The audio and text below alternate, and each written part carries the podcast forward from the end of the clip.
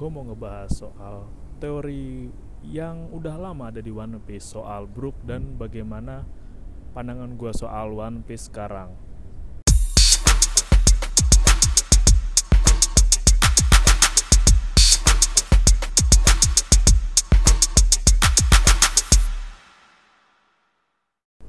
Selamat datang di Siniar, low budget nggak harus mahal untuk nikmatin hidup barengan gue Dodi Wijaksono. Sebenarnya gue udah lama juga sih nggak bahas soal One Piece. Emang sengaja gue mungkin gue udah dua, dua, tiga, kayak dua bulan ya, dua bulanan nggak ngikutin animenya. Eh, gue nggak ngikutin, nggak baca juga manganya lagi, nggak baca spoilernya atau gue nggak nonton YouTube-nya Devil Nomi. Uh, udah lama banget gue ngikutin soal One Piece mungkin karena emang distraksi karena emang belum sempet atau buat gue karena alur One Piece yang kemerungsung. Terburu-buru. Gue coba ini akan pembahasannya kalau lompat-lompat. Gue coba menghubungin satu sama lain dan akan berkesinambungan garisnya. Yang pertama soal alur One Piece. Gue masuk alur One Piece dulu deh. Di, di beberapa bulan terakhir setelah pertarungan selesai melawan Kaido kan udah langsung ke Egghead kan menurut gue lompat ke Egghead itu agak kecepatan terburu-buru tapi nggak kayak One Piece yang biasanya. Yang gue tangkap bukan One Piece yang biasanya adalah hawa menyenangkannya. Ya kita tahu emang Jinbe udah bergabung tapi hawa menyenangkan One Piece itu agak beda dibanding ketika suasana di Dressrosa ini asumsi gue juga ya. Tapi kalau kita lompat sedikit ke filmnya gue kemarin juga baca-baca komentar di TikTok yang bilang bahwa animasi sekarang berlebihan sih. Gue akuin iya menurut gue animasi One Piece yang paling bagus yang ini One Piece loh itu ada di Arc Dressrosa yang pertarungan Gear 4 lawan Doflamingo emang ya kurang emang sekarang makin sekarang makin bagus animasi tapi yang membuat berkarakter adalah One Piece yang gambarnya biasa aja tapi punya kekuatan cerita yang luar biasa di luar Nurul.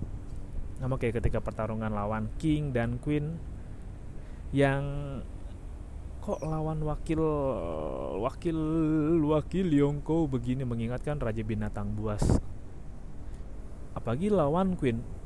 Uh, agak kontroversi karena selain nggak klimaks menurut gue juga nggak kelihatan optimal dari kemampuan Sanji yang dieksplor. Masih dengan teknik tendangan pun juga dengan gak kelihatan banget pakai haki kan si. Aduh lupa lagi yang joget-joget. Aduh lupa ya si wakil keduanya. Hmm, pasti lu ingat namanya nih kok Queen ya Queen karena lawan King juga oke okay sih maksimal sih ketika Zoro ngeluarin teknik yang oke okay kan waktu nebas oke okay, walaupun dengan animasi yang ini One Piece kayak gini nih. Lama pertarungan durasi pertarungannya itu kalau mungkin ada kesamaan waktu ketika lawan Mister Satu ya yang Greg atau lawan Pika tapi itu agak terlalu cepet aja nggak lama. Nggak lama di adegan pertarungan. Mungkin karena emang One Piece kompleks harus ngejar satu sama lain bisa dimengerti lah. Gue juga ngobrol sama temen gue menurut gue juga ada beberapa adegan di One Piece yang sebenarnya nggak perlu perlu amat tapi dibuat ada. Dan jadi bertele-tele. Ya gue juga paham bahwa apa yang harus Oda hadapi adalah kesehatan dan batas waktu yang dia miliki di dunia ya umur semakin bertambah kesehatan menurun. Dan kemampuan gue nggak tahu ya bagaimana kemampuan mempertahankan imajinasi agar tetap sama dan bisa berkembang dalam waktu 20 tahun itu menjaganya kayak gimana gue nggak tahu. Tapi itu perlu perawatan perlu dijaga mimpinya. Dan bagaimana di One Piece sekarang ada lagi toko 9 Holy Knight yaitu kesatria Templar yang lu bisa baca teorinya kayak gimana yang dijagainnya apa tujuannya biar apa. Kalau gitu emang ada gambaran 9 Holy Knight dari awal sih. Walaupun sudah ada beberapa clue-nya tipis-tipis ya kayak bagaimana Xiang muncul.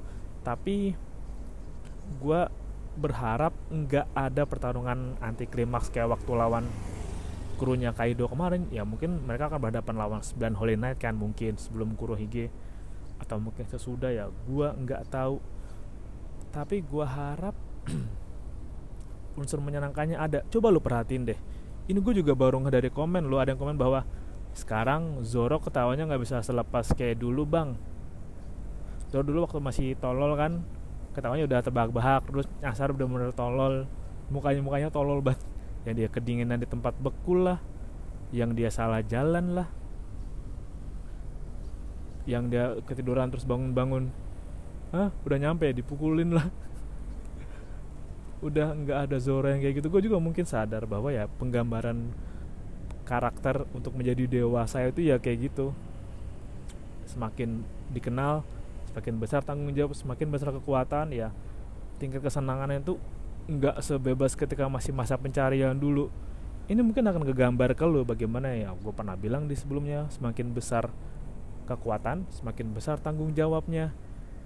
Kayak misalnya Zoro tanggung jawabnya apa ya? Jaga pedangnya lah emang lo kata pedangnya itu nggak mau direbut sama orang.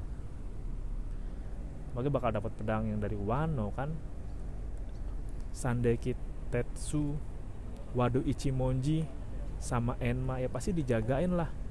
Dan pasti ketemu lawan yang kuat. Dan lo kalau mau ketemu lawan kuat lo semakin kuat lo harus fokus kurangin bercanda ya itu memang satu sama lain. Begitu pun juga Luffy masih sama. Mungkin petualangan dinikmatin tapi kalau pelajarin unsur kemajuan ceritanya lebih cepat daripada kesan menikmati cerita dan melibatkan kita di dalam imajinasinya. Kalau zaman Water Seven, gue masih bisa ngebayangin jadi penduduk Water Seven atau jadi penduduk Dressrosa yang kayak gimana atau Alabasta ketemu Kung Fu Dugong latihan bareng tuh masih dapet kesenangannya. Kalau sekarang ketemu robot, ya mungkin belum ngeliat animasinya. Tapi memang ada sedikit hal yang berkurang ya setelah itu mungkin balapan dengan waktu dan kesehatan atau mungkin ada target lain makanya gue mencoba libur dulu sampai beberapa chapter banyak terkumpul baru gue baca lagi ya tentunya sudah banyak spoiler di mana-mana lah udah akan semakin banyak pertarungan emang si Oda juga bilang dicepetin kan emang targetnya selesai. Dan gue tuh yakin gitu pasti di seluruh dunia banyak orang yang terinspirasi sama One Piece menikmati apa yang Eiichiro Oda sampaikan. Tapi juga enggak mau yang terburu-buru karena memang seninya adalah menikmati perjalanan dan petualangannya bukan menyampaikan apa yang ingin disampaikan. Ah, itu poin bagus tuh.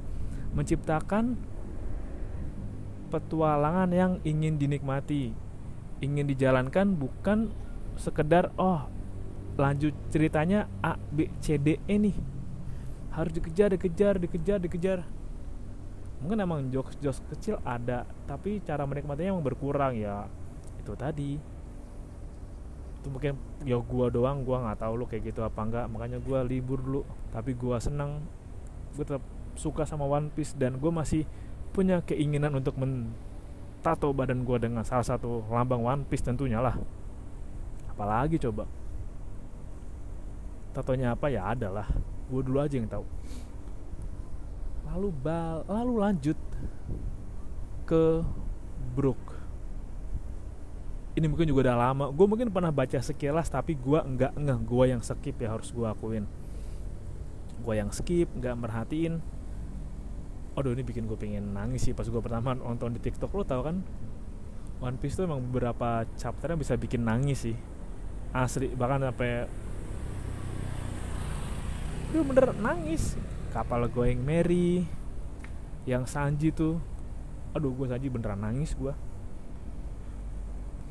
aduh tuh gue bilang aja kayak masih gue inget gitu perasaannya. Nah gitu tuh rasa-rasa yang ingin ditimbulkan gitu loh yang belum kelihatan lagi di One Piece sampai sekarang-sekarang ini.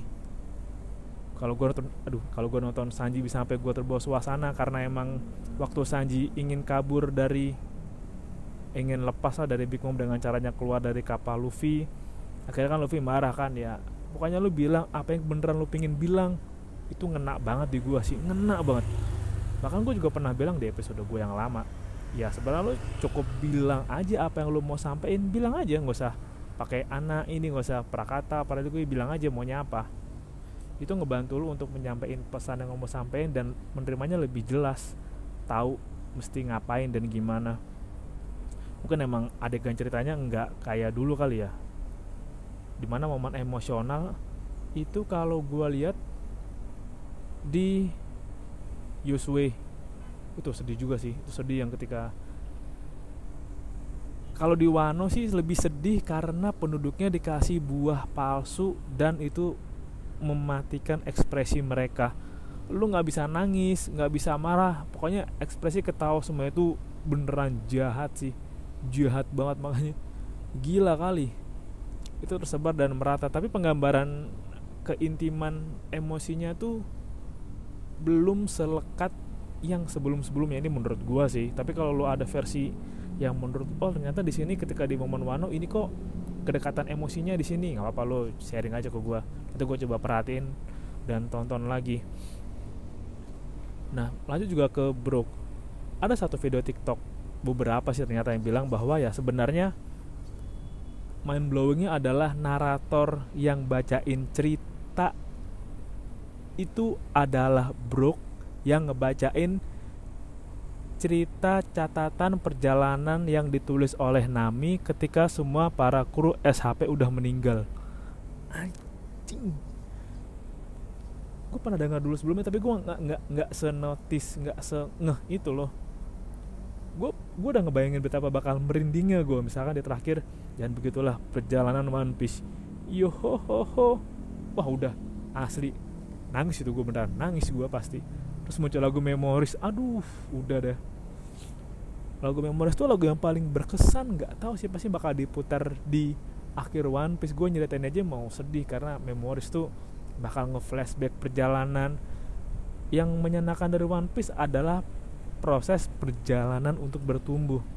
Dari yang punya mimpi cara lo meraih mimpinya gimana nyari kawan untuk ngedukung mimpi lo gimana jatuh bangunnya gimana ngerawat tim lo gimana melindungi tim lo gimana berlatih bersama untuk lo bisa jadi lebih kuat dan lo bisa punya pijakan kuat untuk mimpi lo gimana ngadapin rintangan gimana ngerangkul musuh jadi kawan gimana ngadepin konflik di internal lo kayak gimana dan banyak hal dan yang paling penting adalah mencari kru yang pas buat jadi nakama lu.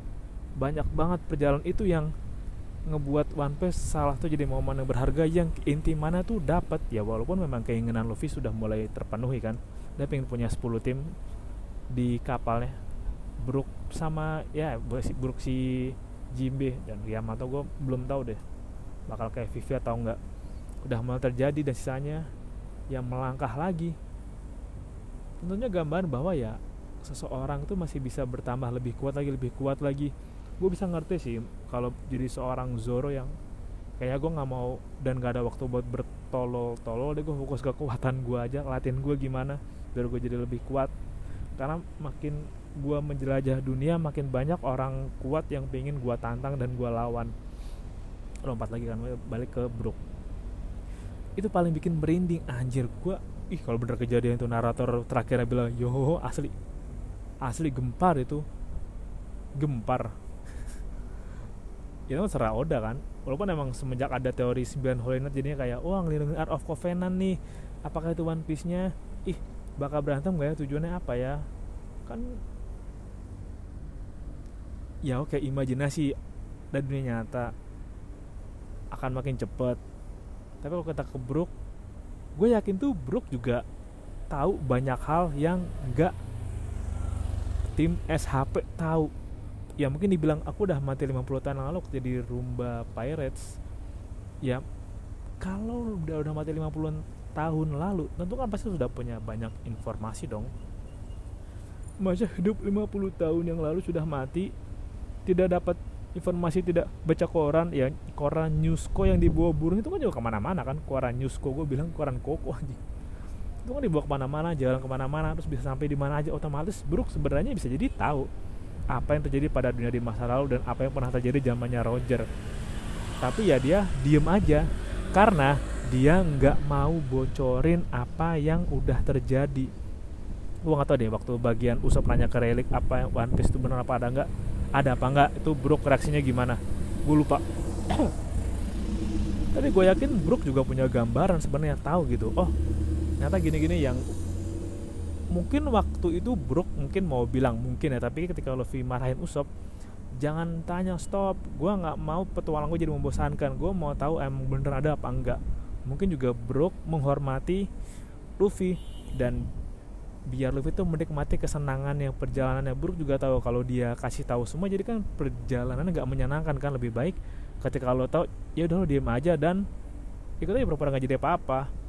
Ya Brook gue juga yakin nggak selemah dari apa yang digambarin. Kan dia punya buah keabadian. Gue tuh mikirnya melawan dari buah keabadian ya buahnya Big Mom. Salah satunya adalah ya diambil nyawa Brook sampai bener-bener kosong bener-bener mati sisa tulang ya dia makan buahnya Brook. Tapi pasti ada tujuan deh kenapa Brook itu diciptain dan makan buah buah abadi lah buah kematian ya yang dia nggak bisa mati kan. Ini juga nyambung. Ini gua masih abu-abu sih Brook yang bilang atau emang ada orang yang bilang bahwa ya kehidupan abadi itu kutukan. Hidup abadi itu kutukan. Kutukan atau hidup abadi. Apalagi ketika lu ketika lu hidup lama lu tahu banyak hal. Tapi keadaan fisik lu begitu lu nggak kuat-kuat banget. Lu nggak bisa terlibat banyak lu hanya bisa menyaksikan sampai jadi tulang belulang. Ya mau ngapain lagi? Nggak punya tujuan tau kalau lu abadi. Beneran deh. Apalagi jadi bruk lu bayangin. Misalkan lu makan buah keabadian dari tahun 1900 sampai 2023 lu hidup. Ya lo ketika vampir abadi lah bosan lu. Bosan karena emang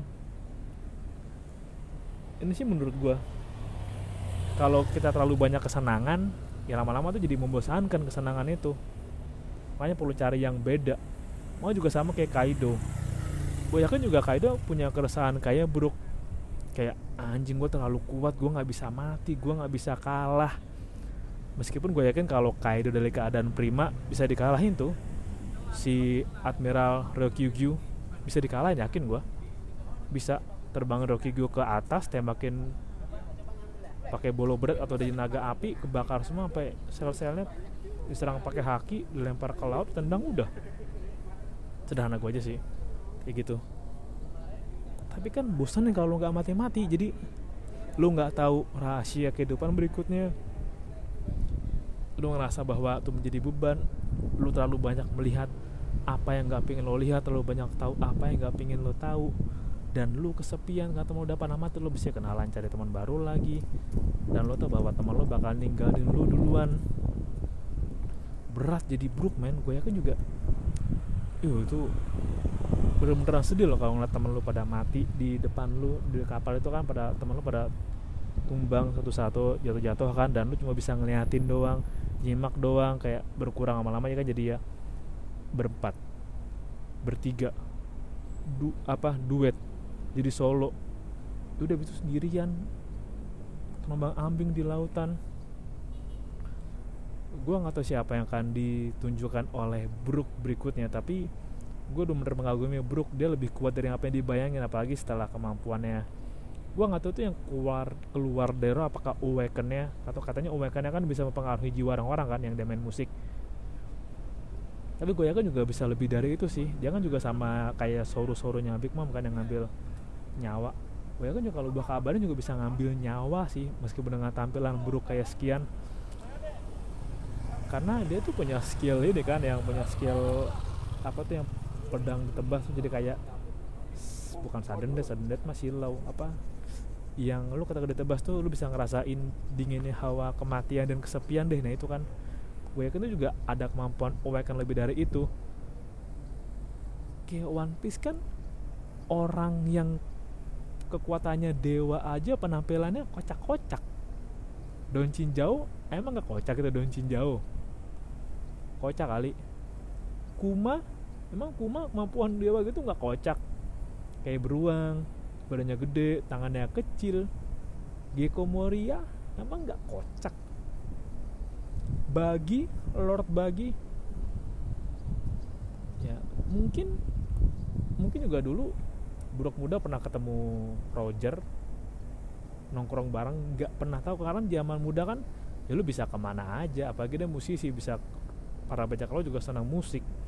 Ketemu Labun dari sekecil itu. Kalau lu berpikir kembali Labun tuh dari sekecil Brook lebih, lebih kecil dari Brook kayaknya deh. Di visual tuh sampai segede gedung sampai kapal bisa masuk sampai krokus aja ada di sana kan berarti kan hitungannya kan Brook itu udah ada ketika Labun masih kecil dan krokus belum ada kan? Kalaupun krokus masih ada juga pasti masih muda sepantaran Brook dia udah jalan duluan bareng angkatan krokus. Kalau emang seangkatan si Brook seangkatan sama Roger dia juga tahu apa yang terjadi di dunia dong. Tahu soal Shiki tahu soal telur tahu dari berita pasti soal kelande dan apa pun itu pasti tahu lah yakin itu gue dia selama ini nyembunyiin apalagi dari kepalanya aja bisa nyimpen tone dial kan nyimpen lagu yang bingsak bingsake. Itu agak ngeri sebenarnya waktu dia buka kepalanya sih anjing serem banget. Kayak misalkan bayangin deh depan lu ada orang ngobrol nih. Oh terus dia bentar buka kepalanya ngeluarin. Itu kerang isi lagu anjing. Dibongkar cetok gitu. Tapi berarti kan dia pernah ke Pulau Langit kan itu kan kalau nggak salah barangnya Pulau Langit kan lu bayangin juga pernah ke Pulau Langit. Nyari emas kaipia berarti kan? Pernah ke Pulau Langit. Meskipun dapat oh itu dapat dari pasaran atau dial tapi kan seenggaknya oh dia tuh cara nyimpennya nih. Dan emang nggak digambarin. Perjalanan apa perjalanan rumba pirate sampai mana dan ke mana aja.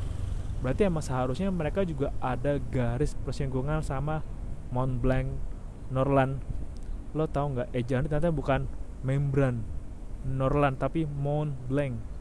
Ejaan merek mewah Mont Blanc. Mont Mont Blanc Norland. Sekeren itu loh sama kayak Marie Joa. Ejaannya bukan M A R I J O bukan Marie Gois keren anjir. Sekeren itu juga pemilihan nama Oda emang keren. Lu bayangin Brook juga dia punya nama gak ya?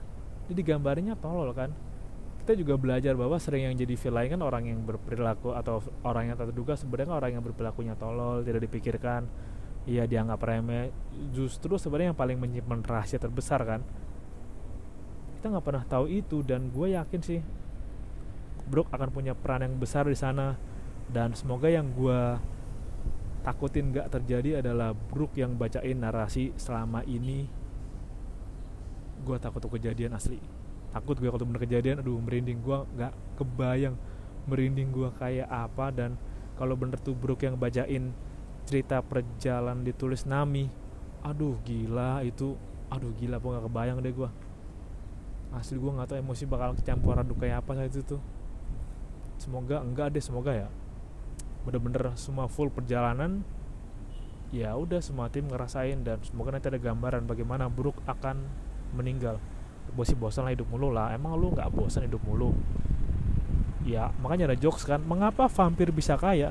Ya karena mereka hidupnya lama sudah ratusan tahun. Tentu mereka bisa mengumpulkan duit lebih lama dong. Kalau hidupnya sudah lama. Jokes klasik yang masih relate. Terima kasih udah dengerin dan salam low budget. Nggak harus mahal untuk nikmatin hidup